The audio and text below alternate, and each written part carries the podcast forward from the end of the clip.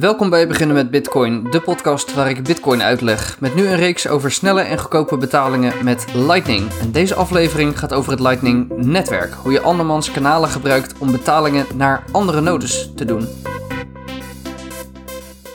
Nou, in eerdere afleveringen had ik het vooral over kanalen tussen twee nodes. Dat Alice dus een kanaal had naar Bob. En uh, dan kunnen Alice en Bob naar elkaar betalingen doen. En wat ook kan, is dat scenario uitbreiden. Dat bijvoorbeeld Charlie, een derde persoon, die verbindt met Bob. En nu hebben we dus een, uh, een link, A, B, C, van uh, Alice naar Bob naar Charlie. Uh, ja, Alice is naar Bob verbonden, Bob is naar Charlie verbonden en zo hebben we een link naar elkaar toe. En het mooie van Lightning is nu dat Alice, die kan nu naar Charlie sturen. Ook al heeft ze geen, zelf geen directe verbinding. De tussenstapjes die kan je dus gebruiken om betalingen overheen te doen. En ja, dit is maar een voorbeeld met, uh, met drie nodes, maar je kan je voorstellen dat dit uh, best snel gaat als er nieuwe nodes bijkomen. En dat werkt een beetje zoals het internet. Je internetverkeer wordt ook gerouteerd door verschillende punten. Als je bijvoorbeeld naar een site wil in Duitsland en je hebt Ziggo hier in Nederland, dan gaat eerst je Ziggo-verkeer gaat naar Amsterdam en dan gaat het naar Frankfurt en dan gaat het naar de server in Duitsland bijvoorbeeld. En zo gaat dat met, uh, met Lightning ook. Betalingen over Lightning die kunnen ook worden gerouteerd. En je eigen node die kent alle publieke kanalen van alle andere mensen. Die kent alle linkjes tussen alle verschillende nodes op het Lightning-netwerk.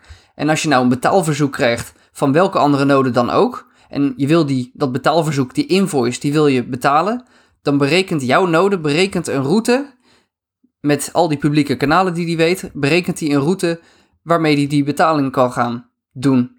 En je node die probeert dan die route. En stel in ons voorbeeld dat uh, Alice dat die Charlie wil betalen. Dan neemt ze de route eerst van Alice naar Bob, van haar eigen node naar, naar Bob en dan van Bob naar Charlie. En in ons scenario is er maar één optie. Je kan je voorstellen dat als er honderden nodes zijn, dat er verschillende opties zijn, verschillende routes zijn om te nemen. En die tussenstappen tussen of in de route, die noemen we hops. Um, je Node die gaat dan proberen een betaling te doen en als die mislukt, dan probeert hij gewoon een andere route. En als de betaling gebeurt, dan maakt Alice, in ons voorbeeld, maakt daadwerkelijk Satoshi over naar die node van Bob. En Bob die stuurt het dan weer door naar Charlie. En we willen natuurlijk niet dat Bob dat geld kan houden. En dat kan ook niet, technisch gezien. En Bob die kan ook de transactiekosten kan niet pas claimen als de betaling compleet is. En dat wordt geregeld door HTLC's, Hashed Time Lock Contracts. In ons voorbeeld maakt Alice naar Bob over, maar inmiddels zijn er al meer dan 12.000 nodes op het netwerk en meer dan 36.000 kanalen. Ja, dat is al flink gegroeid al. En ik zeg expres meer dan, omdat ja, privékanalen die worden niet bekend. Het enige wat er bekend is, dat zijn publieke nodes en publieke kanalen.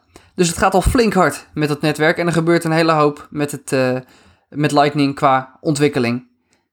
En heel eerlijk gezegd, is er veel meer niet te vertellen. Want een hele hoop nodes bij elkaar die met elkaar verbinden, dat wordt een netwerk. En als je meedoet met Lightning en ook wat mooie kanalen opzet naar goed verbonden nodes, dan kan jij dus ook meedoen met snelle Bitcoin betalingen in dit Lightning netwerk. Ja, kort en krachtig.